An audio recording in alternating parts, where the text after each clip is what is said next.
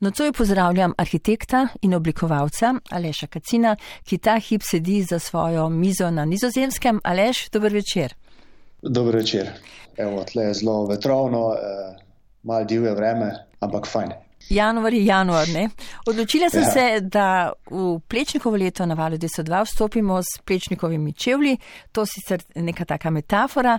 Plečnikovi čevlji namreč to se zelo zanimivo sliši. Vaše čevlje pa sem si ogledala v galeriji Desa na razstavi Na mladih svet stoji, mladi arhitekti na polju oblikovanja.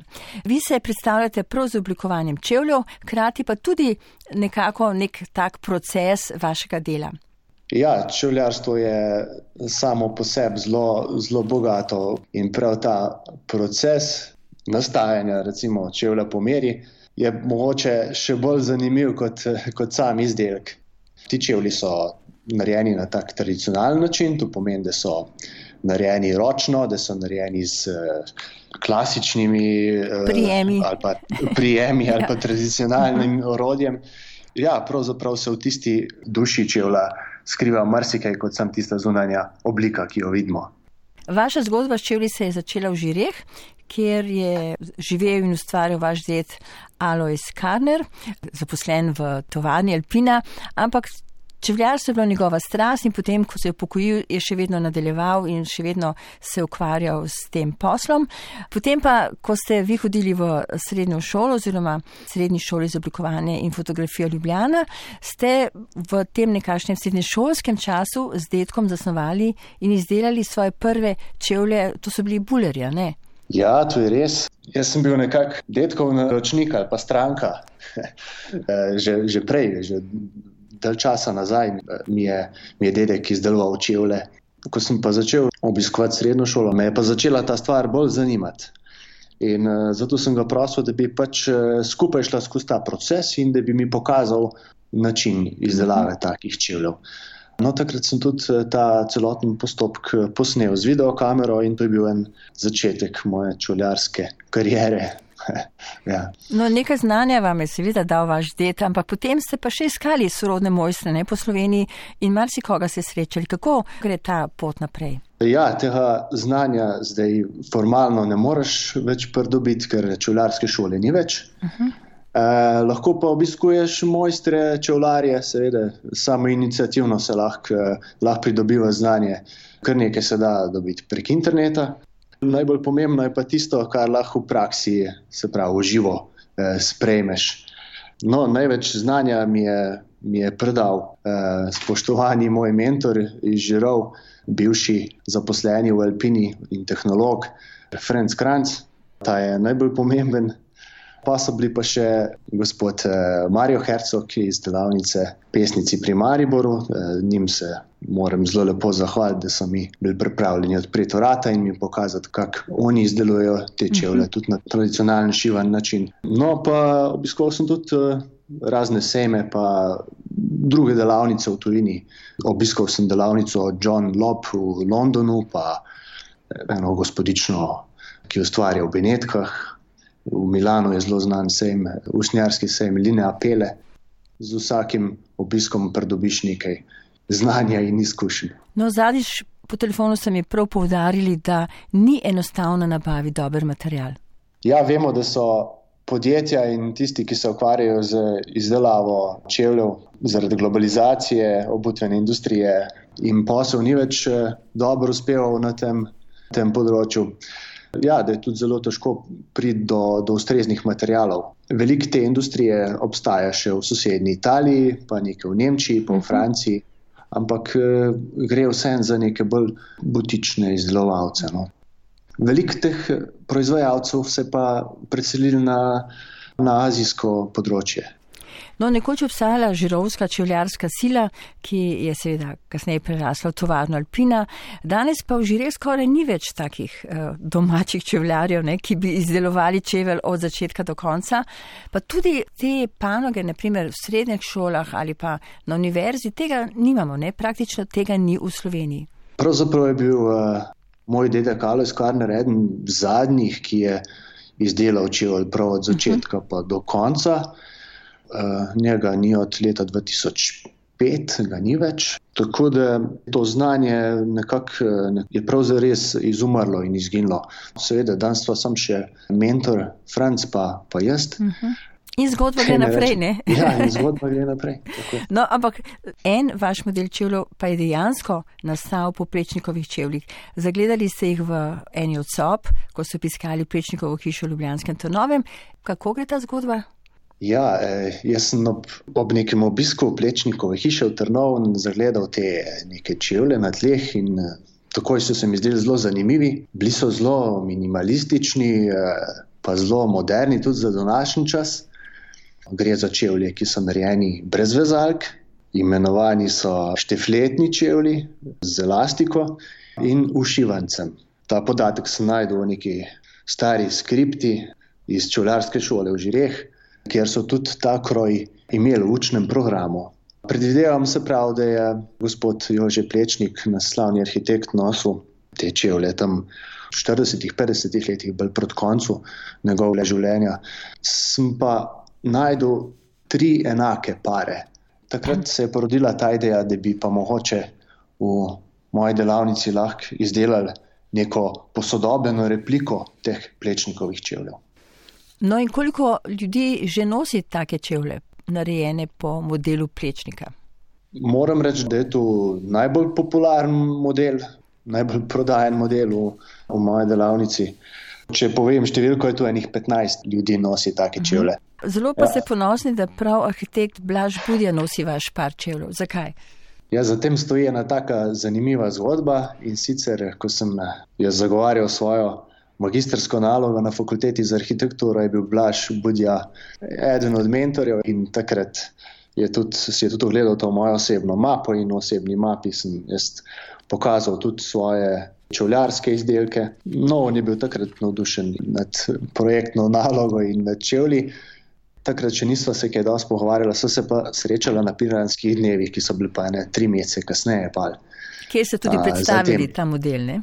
Ja, ker sem pa predstavil povezavo med eh, arhitekturo in obrtjo. Potem smo se pa z Blažem eh, pogovarjali in se zmenili, da, da bi on pa tudi imel ene pomeri narejene čevlje. So se zmenili, da se srečava čez enih dva meseca v žireh, da, da pride na obisk. In res se je tako zgodil, mi dva sva se dogovorila, da bo naredila ene čevlje, niso pa še vedeli, kakšen model bi to bil. Sledil je ta moj obisk plečnikove hiše in nekako so se vse te stvari povezale med seboj. Tudi je Blaž Budja Plečnikov nagrajenc in zelo dober arhitekt. Pa, da se mi je porodila ta ideja, da bi mogoče pa mogel narediti neko repliko teh čevljev. E, poleg tega sem me povabil še, da postavim eno razstavo v rokodelskem centru Škofija Loka. In sem, so se mi vse te tri stvari nekako zdele idealne, da bi pa te čevlje tudi prvič predstavili javnosti. No, kljub tej srednješolski zgodbi z detkom, z detkovo čeljarnico, ste se odločili za študij arhitekture. Ta študij arhitekture vi kasneje izpolnjujete na eni od univerz v Oxfordu in pa dve leti kasneje na Norveškem. In danes lahko rečemo, da delujete kot arhitekt in oblikovalec čevljev. Leta 2014 ste ustanovili delavnico AK, ne, Alois Karner, uh mhm. -huh. kjer mhm. raziskujete in črpate iz teh raznih tradicij vašega detka in tudi vse ostalo znanje, ki ste si ga v tem času pridobili tudi druge in ustvarjate nekakšen nov sodoben čevelj oziroma obuvalo. Ne? Ja, v delavnici, ki je bila ustanovljena, se pravi takrat leta 2014, to je bilo takoj potem, ko sem se vrnil iz tujine se pravi, se ukvarjam eh, nekako z dvema. Ena je pravzaprav ta ohranjanje čevljarske dediščine, pa predstavitev tega, druga je pa izdelovanje eh, čevljev po meri. Mhm. Seveda so ti izdelki nekako uh, poskušajo navezati na žirovsko čevljarsko tradicijo ne, oziroma na slovensko čevljarsko tradicijo. Moram pa reči, da tle ne gre za neke modne izdelke, kot gre za, za neke bolj uh, brezčasno oblikovane stvari. No, no, vi pravite, da gre za ročno izdelavo iz visoko kakovostnega naravnega materijala, da so zelo trpežni, odporni. Da se dobro starajo, kot vi pravite, in da s časom lahko postanejo še lepši in udobnejši, kar pa seveda zahteva natančno izdelavo in najboljše materijale. Se pravi, ti čevlji so narejeni po meri, kar pomeni, da, da se vsaka izdelava začne z, z zelo natančno analizo stopala. Služi temu, da, da zasnujemo kopito. To je ta duša čevlja. No, na to kopito, ki ga naredim, potem na to pride ponovadi testni čevlj, da vidimo, če je to kopito v redu zasnovano za tistega uporabnika. Skratka, čevelj z dušo, kot pravite. Čevelj z dušo, jaz pravim. Najprej kopito, potem pa čevelj. Se pravi, to je pa tisti prazen prostor znotraj tega objekta. No, ampak vi pravite, da ste izdelali čevlje najprej zase ne? in potem so ja. se pojavila naročila. Ne? Vsa obuvala, vse, kar ste doslej ustvarili, ste za sebe in vi so nosite samo to, kar je nastalo v vaši hiši, pač v vaši delavnici. A je to res? Ja, to je, to je res. Prav ta izkušnja nošnje teh čevljev, ki smo jih izdelali takrat leta 2005 z svojim detkom, prav to me je nekako tudi spodbudil, da to obrt nadaljujem. No. Tak čevelj z nošnjo postaja skozi bolj udoben, se skozi bolj prilagodi na, na stopalo. So pa, so pa narejeni na tak način, da se jih da, se, se pravi, tudi v nedogled praktično popravljati. Eh, zato, ker eh, gre za take tradicionalne šivane konstrukcije. Poznamo tri načine oziroma metode, s katerimi lahko čevlje izdelamo. Ena je klinčana, to je tista najstarejša, kjer se ne uporablja lepila, kjer samo s temi lesenimi cveki skupaj zbijamo plasti in te, te leseni cveki pa prevzamejo nosilno fun funkcijo, a ne pa to lepilno funkcijo, bom mhm. rekel. Druga je okvirno šivana konstrukcija, angliško rečemo Goodyear šivana, To pomeni, da pač en tak horizontalni šiv drži vse te plasti čevlja skupaj. Tretja je pa gojzer šivana konstrukcija. Od to tudi ime gojzari. To je nek način izdelave čevljev, ki so ga izumeli v enem avstrijskem kraju, Bad Gojzern in iz tam to pride. Žirovci smo bili pa znani potem, ker to je zelo trpežna in vodotesna in taka tak, ta prav rigiden, trden, delovski čevelj bil včasih. No. Potem ja. se sploh ne upam vprašati za ceno, ker najbrž je od modela do modela odvisno, koliko ur vi porabite za izdelavo. Ne? Zadnjič ste mi namignili, da cirka 60 ur. Kaj to pomeni? Ja, cirka 60 ur računam za finalni par. To pomeni, da imam uh, pripravljeno že pripravljene kroje, pa da uh mhm. -huh. imam pripravljeno kopito. Uh, Če bi pa računal še, recimo, da se izdeluje še po meri kroj oziroma po željah naročnika, pa če bi računal še testni par, testne čevlje. No, že testni eh, čevlje je nekaj vreden. Ja, bi bilo pa še nekaj več časa. Uh mhm. -huh. Tak čevelj je predvsej bolj udoben za, za stopalo. Ti materiali, ki jih ugradim na ta doma narejen čevelj, se obnaša bistveno boljše, oziroma je tako rekoč antibakterijski in, in s tem znojenjem ni nobenih težav. Poleg tega so pač čevlji tudi uh, kakovostni, pa dobro izgledajo, pa, pa so narejeni čist po meri, tako da ni. Ni bolečih nog. Ni bolečih nog. Tako. Omeniti moram še eno letnico, to je leto 2018, ko so vas povabili k projektu domače in umetniške obrti dediščina in sodobnost.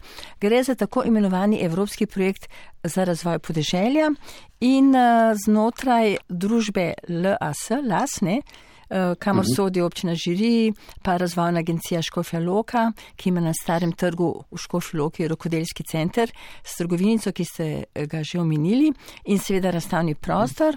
Torej, če grem jaz jutri v rokodelski center v Škofju Loko, v to trgovinico in si ogledam razstavni prostor, bom tam videla te čule? Ne, ti čuli so zdaj v uporabi. Uh... Blažo budijo, da jih ne morete videti. Razumem, ja. Uh, lahko pa tak primer vidite trenutno v galeriji Desak. Torej, lahko jih pa vidimo v galeriji Desak, torej na tej razstavi, ki se je ja. uvodoma omenila. Eh, razstava, mhm. ki se imenuje Na mladih svet stoji, mladi arhitekti na polju oblikovanja in poleg vas se tam predstavljajo številni arhitekti s svojimi zelo zanimivimi različnimi izdelki. In zdaj za konec bi še rada vprašala, Kaj vas čaka, ker vi ste tudi uh, kot arhitekt zelo aktivni, tudi na področju gradnje, uh, to je vaša uh, seveda osnovna dejavnost, ampak kaj pa na področju oblikovanja čevljev, kaj zdaj snujete, kam vas vodi ta pot? Pravzaprav se kar dosti dogaja na tem čevljarskem področju, čeprav sem res, ja, sem arhitekt tudi po osnovni dejavnosti. Najprej bi rad povedal, da, da sodelujem z enim zelo zanimivim start-up podjetjem na švedskem, ki se ukvarja z analizo stopal, pa s predikcijo velikosti čevljev, se pravi, predlagajo trgovinam, eh, kakšne čevlje in kakšne velikostne številke nosijo ljudje na tistih uh, geografskih področjih. Oni so izdelali tak zelo zanimiv skener za stopala in imajo zelo veliko podatkov. Mi pa sodelujemo na tak način, da poskušamo ugotavljati relacijo med obliko kopita in med obliko stopala.